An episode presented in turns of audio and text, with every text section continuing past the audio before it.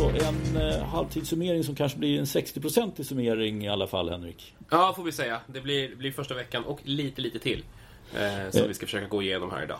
Ja, vi kastar oss in och eh, tittar på Novak Djokovic som när vi spelar in det här ska spela kvartsfinal senare under den här dagen. Eh, ja, de två första matcherna är ju Holger Rune tar set förvisso men i de övriga tre seten tar han väl fyra game. Eh, sen så är det i nästa runda är det ju inga konstigheter och Nishikori får han faktiskt lite problem med. Nishikori spelade faktiskt så, så bra som jag inte, eller jag har inte sett honom spela så bra på nästan före de här skadebekymren alltså.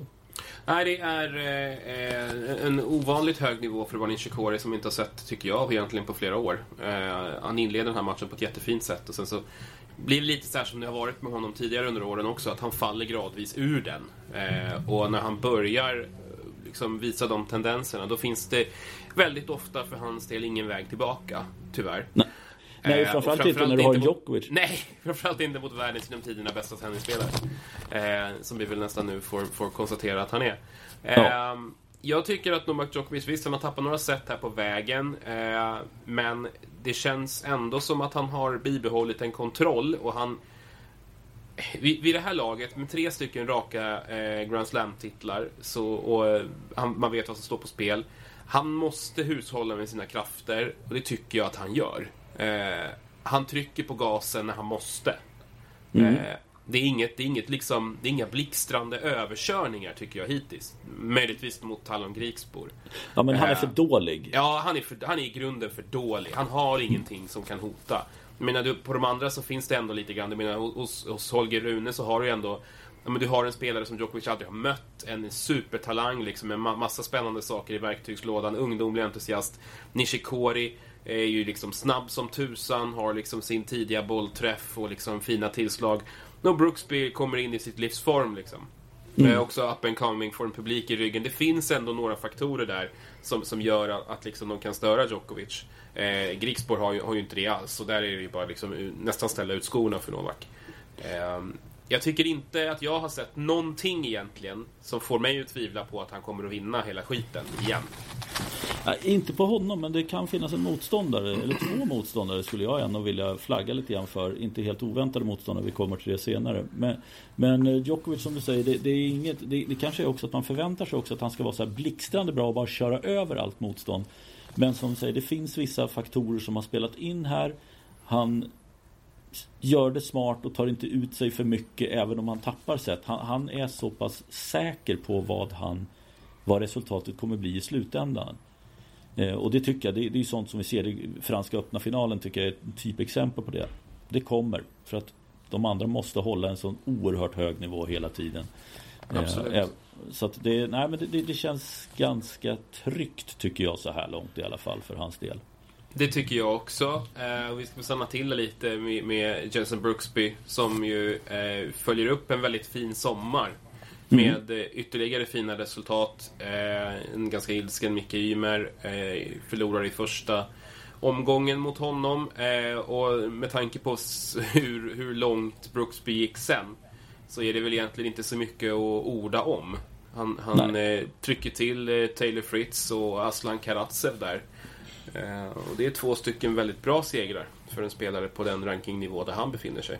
Definitivt, ja det är ingenting att säga. Och han, han, ja, men han, han går från klarhet. Nu, nu börjar ju folk få upp ögonen för honom. Så det, det är klart det kommer bli intressant. Lite som Karatsev också. När, när man lärt sig spelaren så kommer de inte få lika mycket betalt heller på att de kommer underifrån och är lite märkliga i, i sitt spelsätt helt enkelt.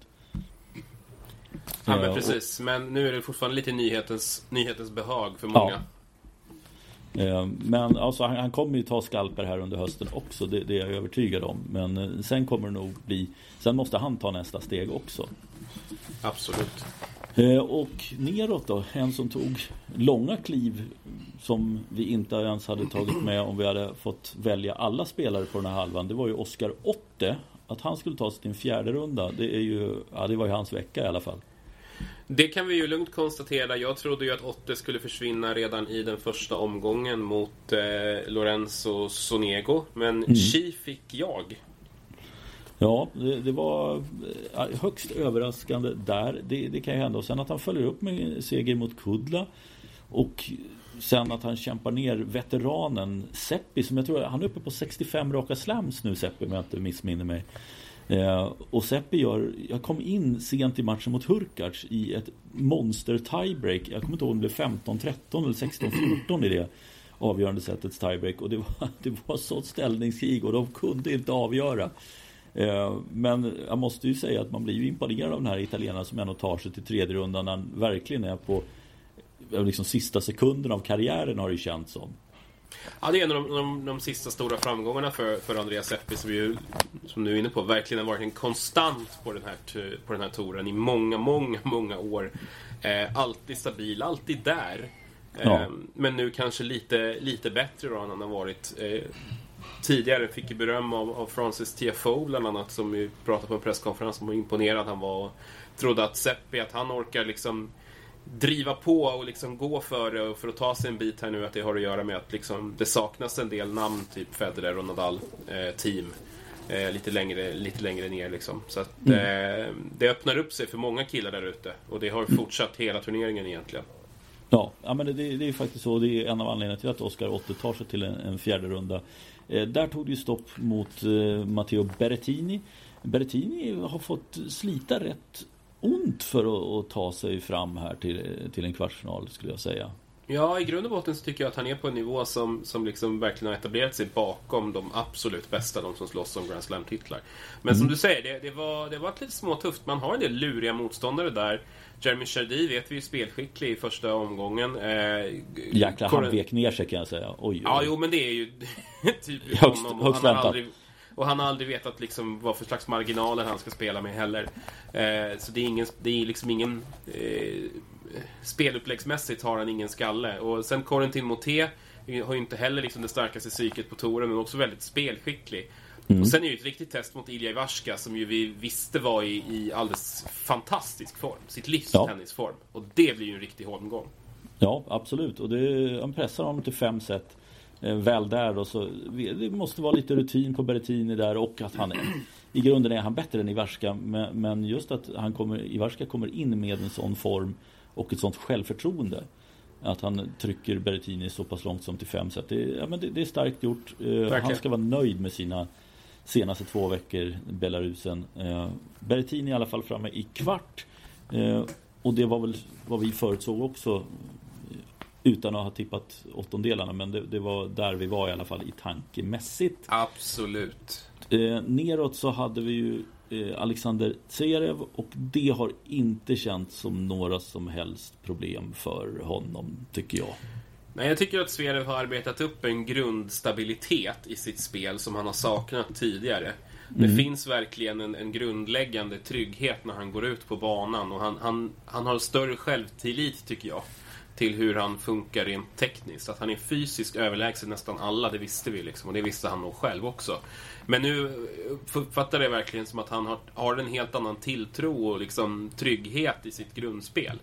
Eh, så att han går ut och gör det han ska. Och, och det är inte särskilt dramatiskt längre. Nej, nej, han, han, nej men det, det, han bara matar på också så här.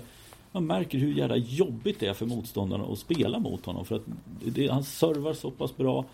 Eh, och sen så får han med sig rätt mycket poäng på andra bollarna bakom. Och har inga problem heller att stå i en längre duell och, och bolla runt. Eh, vilket, eh, ja men framförallt Sinner då. Vi, vi, var ju båda inne på, där var väl en av få lottningsdelar, tårtbitar som vi faktiskt var rätt på det där de sidade spelarna tog sig till tredje rundan i Monfils och Sinner. Eh, och de spelar ju en riktigt tuff match också sinsemellan. Sinner kommer fram till fjärde rundan men han har liksom inte det han är med i alla set men det är lite skillnad och det är den skillnaden som gör att Zverev står som vinnare med tre raka set. Ja, de är ju väldigt lika i grund och botten, Sinner och Zverev. Ja. Eh, det, det, finns ju liksom inget, inget överraskningsmoment i, i, i någon av de här spelarnas spel, tycker jag. Man vet väldigt mycket vad man får av de här två. Det det är två väldigt kompletta tennisspelare. Mm. Men där Zverev ju har varit i den här situationen lite oftare och kommer in också i bättre form, tycker jag, än vad Sinner gör. Eh, och det är... egentligen så får man, man blir så van liksom vid att, att, att man har Zverev så här långt fram nu. Men det, ibland får man liksom nästan stanna upp och bara reflektera över hur unikt det är med en spelare som har liksom den, vad ska man säga, det försvarsspel och, och, den liksom trygghet vid baslinjen som han har samtidigt som han har den här sjuka räckvidden och tyngden. Mm. Det finns nästan ingen annan som, som, kan spela, som spelar eh, tennis på det sättet. Eh, och som, har, som framförallt inte som är så stor som han är, som spelar på det sättet. Mm. Det är väl liksom ja, det är Sinner som försöker. Så att, mm. eh, eh, ja, det, det, ser bra ut för Sverige. Man kan inte säga annat. Eh, neråt så flyttade vi då. Riley och Pelka hade vi båda framme. Nej, jag hade Opelka. Du hade Carino Busta. Det gick åt pipan för eh, spanjoren. ja. Och Ivar han var i slutet mot Cressy där och det förstår jag. Det, det var tiebreak i sista och Cressy, eh, kvalspelare från USA. Han hade inget att förlora. Han spelade Nej, precis på det sättet. Ja. Och ännu en amerikan som är duktig på att utnyttja publiken i det här läget när det börjar släppas på lite folk på matcherna. Eh, och då får han, då får han en, en eh, massa folk i ryggen och det, det, märk, det märks. Det hjälper. Ja, det, nu blev lyckan kortvarig för Basilashvili slog honom sen och Pelka plockade bort honom. Och Pelka, så där var det ju, jag trodde att Katjanov skulle stå där, du trodde att Chapovalov skulle stå där. Ingen av oss hade rätt utan det var ju sydafrikanen Lloyd Harris som smög fram där. Mm. Jag får att vi nämnde Lloyd Harris som en av de bästa osidade spelarna eh, mm. i, i, turneringen och det tycker jag han visar gång på gång. Han har ju inte gjort de här sjuka resultaten egentligen i år. Eh, han var bra det, i våras. Ja, det var han. Men, men det var, samtidigt inte så, så att man, man liksom bara kolla, nu kommer han. Nu jävlar. Han vann i Dubai. Eller mm. han spelade final i Dubai. Final var det. Mm. Mot, mot eh, extremt formstark Karatse. Eh, men det, men det är ju liksom det. Han, annars är det liksom, han vinner en match här, han vinner en match där, han vinner två där och två där. Liksom. Han, är, han är liksom, rör sig stadigt framåt och blir gradvis bättre. Och sen är han ju liksom lätt att tycka om, tycker jag. Han har skön stil och liksom mm. ett, ett, härligt spel att titta på. Verkar väl liksom vara en skön personlighet. Eh, ja, men... så, så att, och sen är han ju en av få afrikanska spelare som, som ju ens existerar på den här touren.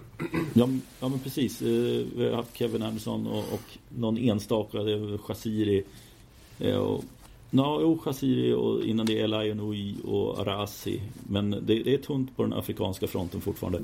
Men det, det som jag imponerades av i åttondelen mot Opelka, det var Han var helt sanslöst bra i returspelet, Harris. Han, han fick ner allt och Opelka var så frustrerad. Så att det, ja, men det, det gick inte amerikanen. Han, han, fick ju så lite betalt på serven. Så att det var Harris var i någon sorts zon där i, i nästan hela matchen faktiskt. Mm, och sitter inte uppe och pelkas, eller får han inte utdelning på serven så då finns det ju i ärlighetens namn inte så mycket kvar. Nej, han, han är Nej. betydligt mer rörlig än vad en spelare som Isner är och, och, kan hantera en längre duell på ett annat sätt. Jag tycker han rör sig på ett rätt bra sätt för att vara så lång som han ändå är. Men Nej men det, det, blir ju oerhört tufft för honom för han måste få de här gratisbollarna emellanåt för att kunna ha lite, lite liksom distans till motståndaren i egna servegame till exempel. Mm. Eh, nedre halvan då, där har vi, är vi redan framme i semifinal. Eh, du och jag hade ju Rublev framme i en fjärrunda. Det fick vi inte i en sällsynt förlust mot en sämre spelare i Francis TFO som i och för sig sa att han är lite på gång. Men att mm. han skulle slå Rublev, det, det hade inte jag alls räknat med. Nej, Rublev har ju varit så säker mot, mot som du säger, sämre rankade spelare. Han kom eh, från en ganska färsk Masters-final. Eh, upplevde honom som i ganska bra form. Men vi varnade ju lite för TFO. Tyckte han mm. såg bra ut veckorna innan här också. Verkligen har någonting på gång och det tycker jag han visar igen. Eh, bra attityd. Eh, återigen mm. en amerikan som använder sig av publiken. Eh, härligt go tycker jag. Jag tycker han har liksom upplevt att han har hängt lite med huvudet här under något år. Och tyckte mm. att det var jobbigt när, när det liksom inte har, när han inte har fått den utväxlingen på karriären som man har förväntat sig av honom. Eh, men den är borta nu tycker jag. Och eh, det börjar se riktigt fint ut igen. Eh, och han, han har energi och driv. Så det, det hjälper honom så jäkla mycket. Eh, ja men det är tydligt. Och, det är väldigt tydligt. Så att, ja, det vore kul att se TFO tycker jag. Verkligen. Mm.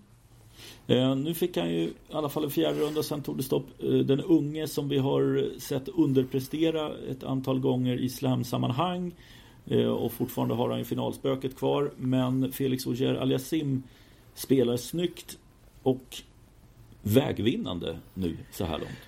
Ja, och Cher Aliasim tycker jag faller, fortsätter att falla in i den här kategorin tillsammans med Jannik Sinner och, och Alexander Zverev. Stora, eh, komplett, tekniskt kompletta spelare som inte är särskilt intressanta att titta på egentligen. Utan de gör verkligen det de ska i alla moment. Utom Osher Aliasim då när det är dags att knyta ihop matcher. Um, men, men han har gjort det bra så här långt. Det är ju inte den tuffaste lottningsvägen som man skulle kunna få. Eh, Bautista Agut är den första sidade spelaren som, som han stöter på.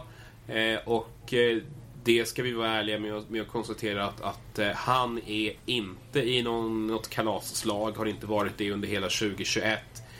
Tiafoe ska vi anta att han kanske är lite trött mm. efter holmgången mot Roblev. Och sen så blir det ju en resa till semifinal som ju, ja det blir ju ingen match egentligen överhuvudtaget där. Men vi ska Nej. återkomma till den. Ja, för att i, där i kvarten så möter han Carlos Alcaraz och det hade vi inte räknat med utan vi har ju hade ju tecknat in Stefanos Tsitsipas och eh, det går ju inte att undvika den jättediskussionen som har eh, seglat upp i efterhand efter, först och främst efter Murray-matchen. När Murray också gick ut och var ganska kritisk mot de här toalettbesökshistorierna. Eller historien i den matchen men att han också har gjort det vid andra tillfällen. Eh, ja, han gjorde, han gjorde väl det mot Manarino också. Eh, har jag för mig, när han tappade tredje set. Då var han ju ah. ute på toaletten ganska länge då också.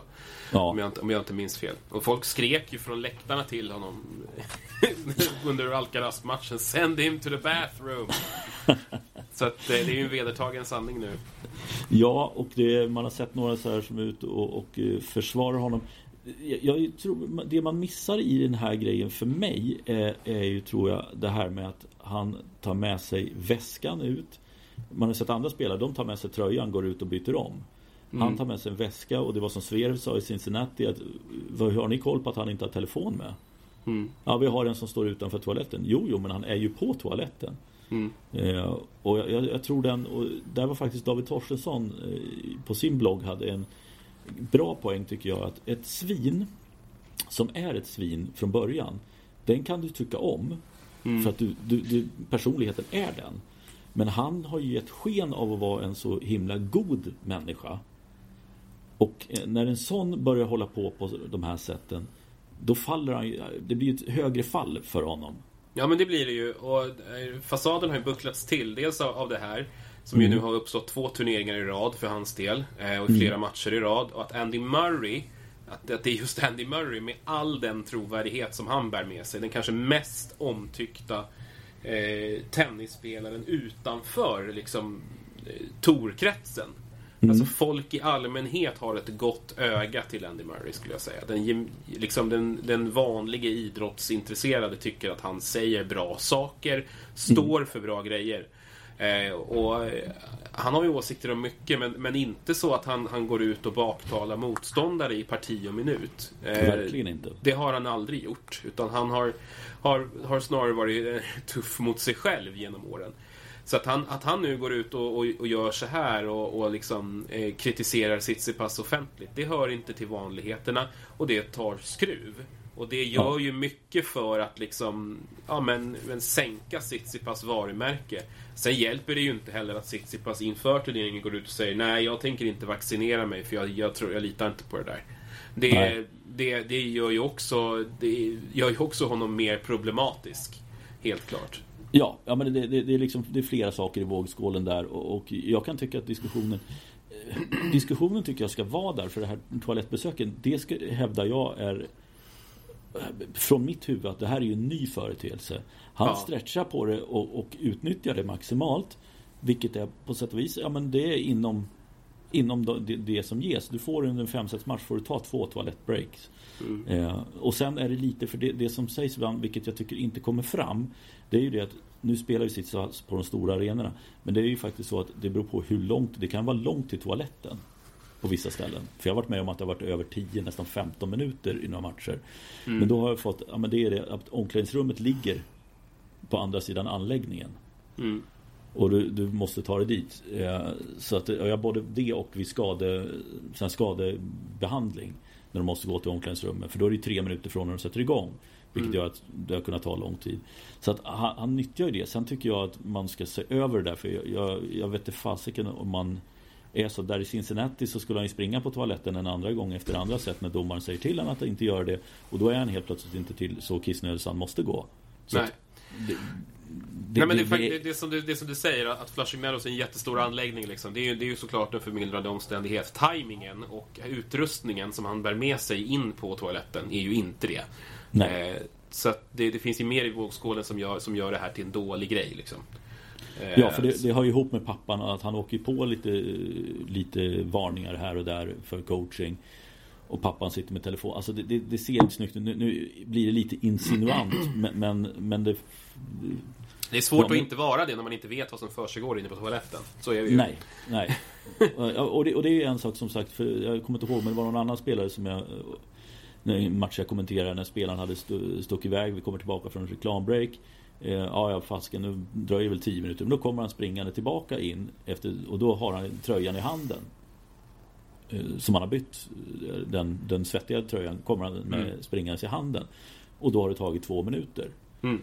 Ja, alltså det, det går att justera det där och jag tycker att det är ganska eh, det, det är ganska snällt och, och när man pratar just om det här man ska göra tv-vänliga produkter och, och sådana saker. Här har ni en sak ATP som ni, som ni kan göra något åt. Ja, där finns det klar förbättringspotential. Definitivt. Eh, Jag, jag kan inte säga exakt hur regeln ska vara men, men det är konstigt att någon spelare behöver ha uppåt 10 minuter medan andra inte är över 5 max. Verkligen. Så det, nej, men det, det straffade sig för honom i alla fall. Och Alcaraz gjorde ju en fullkomligt monstruös match just i mötet med eh, Tsitsipas. Ja, det är bland de häftigaste insatser som jag har sett. Eh, Ja. Ärligt talat. Eh, det är en otroligt svängig match.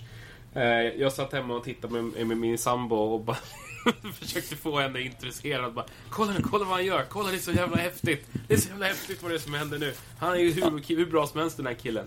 Eh, nej, men det, det var en makalös insats. Eh, och den här forehanden, alltså herrejösses. Det, det har ju lätt potential att bli Torens bästa. Vilket vapen han har i den alltså. Det är Ja. helt otroligt. Jag tycker det är så häftigt att det lossnar för honom här. Och där ska sägas att Tsitsipas eh, gick ju ut, tyckte jag, väldigt snyggt och, och sa efteråt på presskonferensen att han spelade så otroligt bra här Ja. i tredje set. Eh, Ja, men det ska han ha he- heder för att bara säga. Too good. Han, han, Ja. eh, det, det, nu såg vi något alldeles extra. Eh, det, här var, det här var inte klokt liksom. Det, Ja. det, och, och det, var ju, det var ju så vi alla kände. Med det här. Ja. Jag såg ändå Al- Alcaraz i Winston Salem veckan innan. Tycker liksom, okej den där forehanden, den har något. Men sen så var det liksom en, en rejäl nedvikning då mot Mick Ymer. Ja. Eh, men det här, oj, jösses. Alltså, det, nej, det var otroligt häftigt att få se ett genombrott liksom ske i, i realtid verkligen. En, en, Ja. en eh, framtida, jag vet inte hur, hur liksom mycket vi ska slå på stora trumman, men en framtida världsstjärna kan vi nog konstatera att det här, det här rör sig om. Att få Absolut. se en sån spelare liksom verkligen presentera sig för den breda allmänheten liksom, i realtid. Det är, nej, det, är, det är coolt. Det är, det är riktigt häftigt. Och sen måste jag säga då, efter han har vunnit den, och, och ska säga så, så Tsitsipas var inte dålig heller alltså, Nej. i den matchen. Det var bara att Alcaraz var fullkomligt makalös. Sen får han ju en eh, fantastisk fjärde runda i. Gojovcik. Eh, Det är ju hans, också lite som Oscar Otte, det är en drömvecka för, Ja, det är den, det är för den, den sämsta lilla delen av lottningen överhuvudtaget. Ja, det var det faktiskt. Eh, men att Alcaraz lyckas knyta upp det, för det är väldigt lätt att vara helt urlakad mentalt också efter en sån batalj som han hade i tredje rundan. Och ändå tar det, du tas den till fem set och det är väl det bland annat som, som gör att eh, Alcaraz inte kan fullfölja kvartsfinalen. För det sa han ju efter kvartsfinalen också att Nej, alltså två, jag har inte spelat två så här tuffa på den här nivån. Och uppenbarligen så sa ju kroppen ifrån. Jag vet faktiskt inte vad det var som eh, var, så, som hämmade honom i kvarten. Nej, inte jag heller. Han kändes ju trött från start. Ehm, det, det har varit en enorm påfrestning för honom. Han har spelat mycket på slutet också. Så att, eh, det, var, det var väl ingen ologisk, inget ologiskt uttåg. Han orkar helt enkelt inte det här. Ehm, men eh, oavsett, jag tycker han, han avslutar en, liksom, det, det, det han gjorde in, innan i turneringen väger ju upp för det tycker jag. Det, det är en, eh, ja, en otrolig insats. Verkligen. Eh, och då tar vi och sätter tre utropstecken efter Alcaraz och flyttar ner till någonting där vi sätter eh, först ett frågetecken och sen ett utropstecken. Men van de Zandschulp. Schlup. Ja. Schulp. Eh, fortfarande svårt att uttala det där. tror jag det ska vara till och Eh, med. Skulp till och med. Ja, jag satt och lyssnade på när han själv ut, fick lära pressen hur man uttalar det på en presskonferens här efter eh, Ja, ja, segern ja, mot. Schweizman. det ja.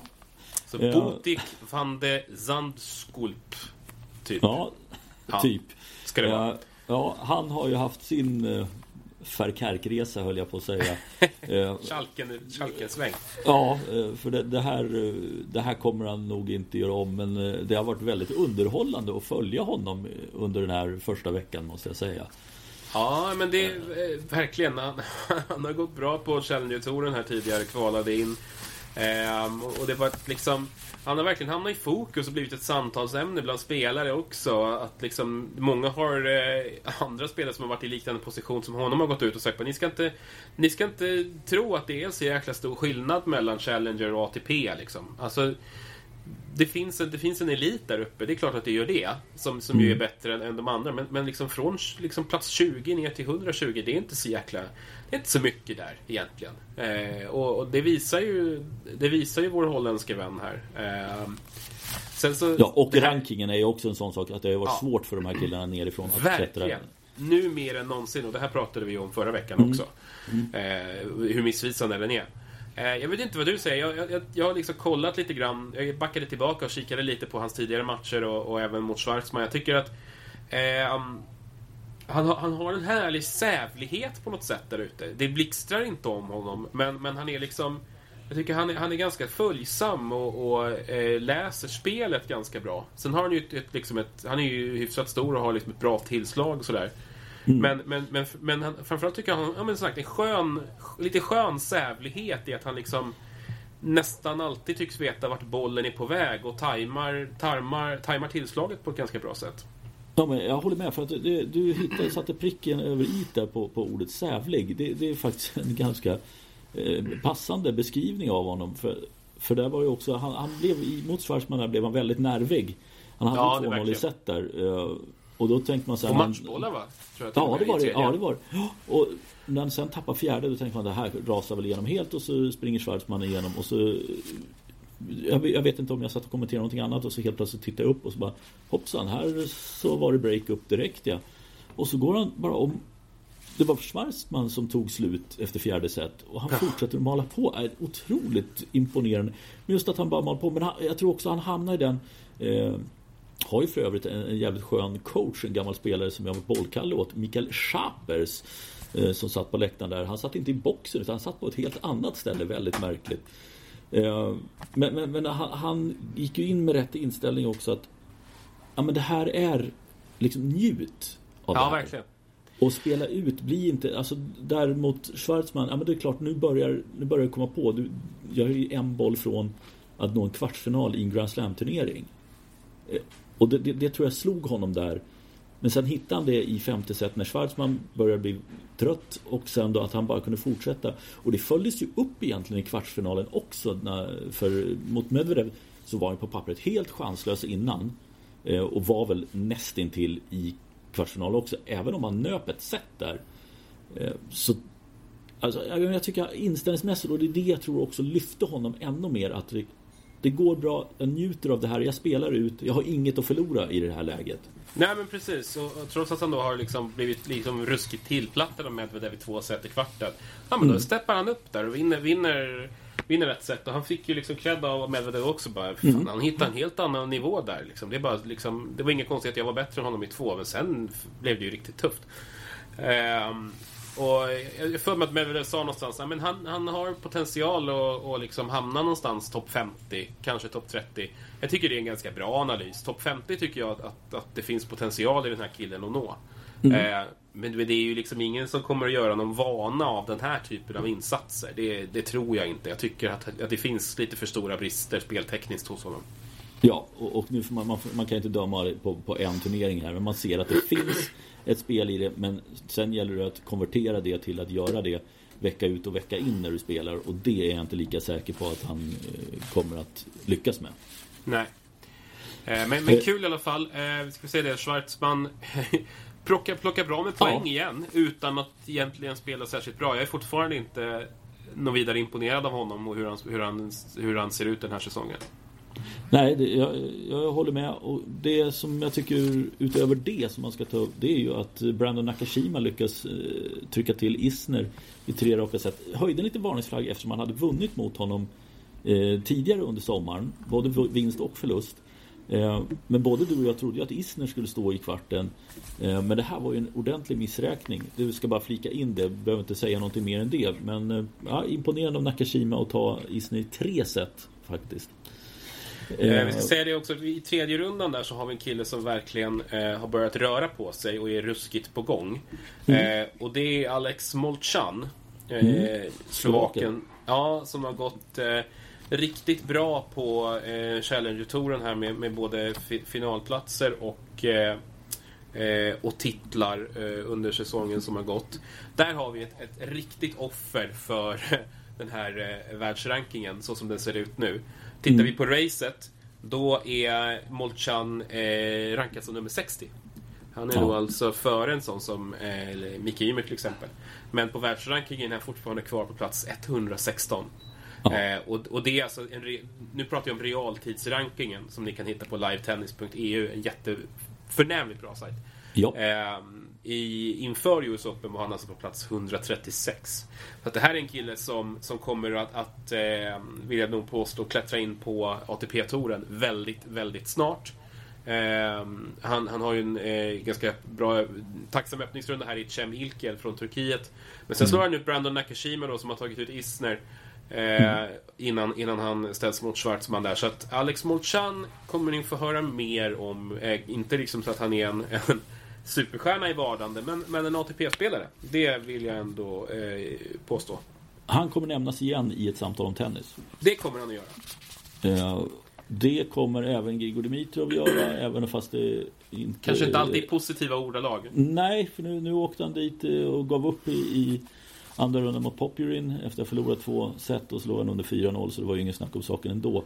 Eh, ja, det är inte så mycket att säga där. Alltså, det, det, det ser inget bra ut. Dan Evans tar sig till en fjärde runda. Och, alltså för Evans var det bara tack så mycket. Eh, för att han, han har ju inte... Jag tycker inte Evans har varit jättebra på senaste men här gör han ju det. Han ser möjligheten och tar den chansen också och spelar sig till en fjärde runda och plocka bra med poäng. Ja, det, finns ju, det fanns, fanns ju flera tyckte, spelskickliga killar på den där delen av lottningen. Men också sådana som man verkligen begär mer av. Dimitrov är ju sinnebilden av en sån spelare. Som man alltid tycker ska kunna göra bättre ifrån sig än vad han, än vad han i själva verket gör. Mm. Sen även Popyrin tycker jag är lite sån. Nu når han ju en tredje rond här. Eh, och är ganska, han pressar även riktigt hårt. I, mm, i, eh, I, en tuff femsetare ska sägas. Jag väntar fortfarande på det där genombrottet. Jag tycker han har det i sig. Mm. Ehm, men men det, det, verkar inte riktigt vilja komma. Han, han, har en liten tendens att steppa upp i de här större turneringarna. Men eh, det, är en, det är en bit kvar och jag, jag, jag, tycker att han har potentialen. Jag vill, jag vill se mer. Jag, jag förväntar mig bättre grejer från Popyrin faktiskt. Mm.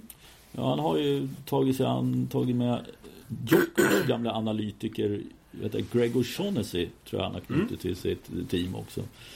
Eh, Daniel Medvedev, ja. Daniel Medvedev, han har varit rätt duktig på att spela tennis den här veckan. Eh, helvete vad bra han ser ut. Ja. det, han håller liksom inte ens igen. Eh, för, för, han försöker inte ens spara någon kraft. Han ska, han ska krossa allt bara. Och, och, det, och på det sättet han gör, de hade, jag såg igår hade de lite där som man visste Hans returposition är ju alltså nere upp till 6 meter bakom baslinjen. Mm. Och alla, alltså det, det, är enormt långt bakom baslinjen. Men det han gör som är så otroligt bra det är att han, returerna är så flacka och med sån längd att servaren väldigt sällan hinner få övertaget på boll 2. Ja, alltså han, han, han bryr sig ju inte ens om liksom, nätet känns det Han slog, slog, hade ju en retur som han liksom slog ja. vid sidan om nätstolpen. Och då snackar ja. vi inte tight, utan vi snackar typ en och en halv meter vid sidan ja. av nätstolpen. Eh, det är otroligt, sätt, otroligt att se honom, hur han verkligen har... har eh, vi vill ju förändra saker för, för, att, göra, för att göra sig själv bättre. Eh, det är eh, skithäftigt. Och det här flackerspelet kommer ju verkligen till sin rätt den här veckan. Ja, men för jag, jag fastnade vid det här och, och, det var någon som skrev på Twitter också. Kan, kan någon hitta en retur? För att det, att det har slagits brev i nät, det har ju hänt tidigare. Men en retur som går in på det sättet. Och jag, jag tror inte det var någon som hade hittat en enda Nej. liknande boll. Nej, det är ett unikt slag. Det är skithäftigt. Ja. Verkligen. Ja, det, det, det, är faktiskt. Men, men han, han är ju han är i semifinal och egentligen, vi kan väl ta den matchen först. Medvedev och Gerald Yassim. Ja. Alltså nu har Gerald Yassim Tony Nadal i, i, sin box som har, tror jag, börjar, de börjar få frukt av, av sitt jobb tillsammans. Men mot Medvedev idag, jag, jag vet inte vad i kanadensarens spel som ska kunna hota serven för all del. Möjligen, men i övrigt vet jag inte vad han skulle kunna matcha ryssen i. Nej, nej han är så otroligt bra. Eh, det, jag, jag, ser honom som helgjuten i en final och det man verkligen hoppas nu är att han kan svara upp mot Djokovic riktigt ordentligt. Eh, att, att, det blir, att vi får se någonting bättre än, än i Australian Open när mm. de möttes där. Eh, och att han verkligen eh, att han verkligen möter upp honom nu och, och fortsätter spela det här spelet. Eh, det, ja, det, det vore sjukt häftigt om, om man kunde det. För att så som han har spelat nu. Eh, det är ju ingen som har spelat bättre nej, i den här turneringen.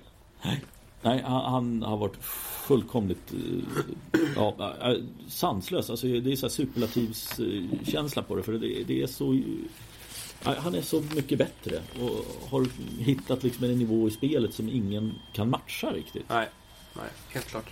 Mm. vi går till övre halvan där vi har, när vi spelar in där, har vi kvartsfinalerna kvar. Zverev Harris.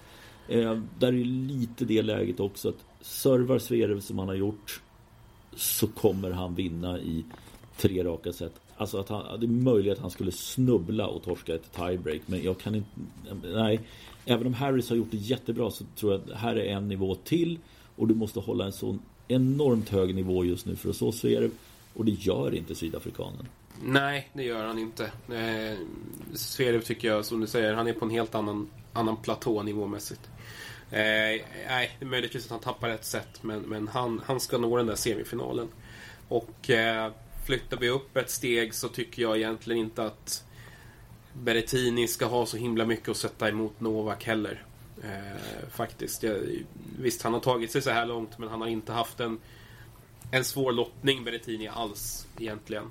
Eh, och eh, har inte... Ja, Ivarska skulle jag faktiskt säga. Som I, i alla fall Ivar, ja, precis. Ja, verkligen. Ivar, det, det, det, får vi ändå säga. Men, men honom slår han ju också med ett nödrop, verkligen. Det, ja. det är ganska tajt där. Ja. Eh, han är inte i den final han var, eller den form han var i Wimbledon när han gick till final Nej. där tycker jag. Då, eh, det, då fick vi se en helt annan sida av honom. Det var, det var en annan nivå. Eh, än vad han håller nu. Så att eh, Djokovic Sverev i semi, absolut. Och, och där borde ju rimligen Novak dra det längsta strået. Ja men tror du, det, det som jag får, jag får lite så här eh, känsla för att nu är det någon som kommer och sabbar partyt här. Eh, Sverev slår Djokovic i OS. Eh, nu är det bäst av tre. Men att det gör att Sverev... Okej, okay, jag, jag, kan slå honom i en så här viktig match. För det är klart att det var en enormt viktig match för Djokovic där. Det är en sak att slå honom i, i en semi i Rotterdam eller den vanliga ATP-turneringen. OS tror jag är så pass viktigt för Djokovic också. Eh, och slå honom där. Okej, okay, bäst av tre. Nu är det bäst av fem. Eh, ja, det, ja alltså jag, jag, är nästan lite oroad över att Zverev ska kunna störa Djokovic. Jag hoppas att Djokovic vinner. Det gör jag verkligen. Men jag, jag börjar få lite så här olustkänslor för att Zverev ska gå och, och sabba det här. Ja, jag är inte där riktigt. Jag tror att, att Djokovic kommer att lyckas med det här. OS känns som någonting annat för Novak. Det, det är som att, som att han, han krymper. När mm. så väldigt mycket står på spel. Det gör det ju här också. Mm. Men det här är ju hans borg. Alltså en, en Grand Slams mm. eh, semifinal. det, det, har han gjort så många gånger förut. Och lyckats med så många gånger. Så att... Eh, jag, jag, jag, tycker att det är lite andra förutsättningar som gäller här. Eh, för honom. Och då tror jag att han klarar det. Okej, okay, då Ja, men okej. Okay. För enkelhetens skull så är det bättre att vi spekulerar i samma match i finalen. Djokovic-Medvedev. Eh, ja. Eh, ja. vem, vem scoutar vem bäst, höll jag på att säga. Um, jag tror att de båda kommer att göra ett ganska gediget jobb med det där. Jag, mm. ja, det är ju, det är ju två spel som är så otroligt svåra att och, och liksom veta hur man ska möta, tycker jag. Mm. Uh, vad man behöver göra. Uh, jag, jag, tror inte att det kommer att finnas särskilt mycket mått av anpassning egentligen hos någon av dem. Alltså Medvedev måste ju fortsätta på samma sätt. Samma respektlöshet, samma flacka spel. Samma, samma liksom låga utgångsposition och, och, och, och liksom tillslag. Han måste fortsätta så. Mm. Eh, och Djokovic, för, han, för hans del gäller det ju att bibehålla intensitet. Och att, att eh, inte falla för långt bak. Inte, inte bli för tillbakatryckt av det här som, som, som Medvedev slungar på. Och försöka ta ett mentalt kommando tidigt. Eh, släpper han, får, får inte Medvedev grepp om matchen tidigt liksom, i första set, om han inte vinner första set, då är ju halva matchen borta redan. Eh, då, då, tror jag, då tror jag att, att liksom, gamla synder gör sig påminda. Men, men får vi ett, ett en... Ja, tar, tar Medvedev kontroll tidigt, då kan det bli jäkligt intressant. Men aj, jag lutar nog ändå åt Novak. Jag tror han tar det här. Jag, jag, jag tror att Medvedev vinner jag vill att Djokovic ska få vinna den här och, och göra en clean sweep 2021. Jag vill det, men, men jag, jag, jag kan inte liksom gå förbi. Lite som Christer Petersson i, i Stig Engström där, i Palmemor. Jag kan inte komma förbi Medvedev. Jag, jag hittar liksom ingen... ingen... Han är för bra. Han är för ja, bra helt enkelt. Ja. Mm. Ja, och, och, då ska sägas att jag vet, det kan, man kan luras lite av att Djokovic inte har varit så dominant om jag uttrycker mig lite grann alltså, ja. på sättet. Han, han, är, han är så jävla bra men just det här och det är väl också för att man är så van att se honom bra. Mm. Medvedev är, är, inte lika, han har inte varit med lika länge helt enkelt. Så att det, jag kan ryckas med lite av den, uh, av den, ja på det sättet. Men nej, det, jag, garderingen blir liksom att jag vill att Djokovic ska få ta det här. Jag tror faktiskt att Medvedev vinner. Ja. Ja, det får vi se helt enkelt. Ja, det är det. Ja, fantastiskt. Det är inte ofta. Nej, i en final och allt. Ja. Ja. Uh, ja men vad roligt. Hör du, det här får vi väl se hur det går då. Ja. Så återkommer vi med, med, någon, med någon sorts reflektion efteråt. Det gör vi absolut. Så vi hörs igen ja. när US Open är över. Precis. Tack Henrik. Hej. Hej.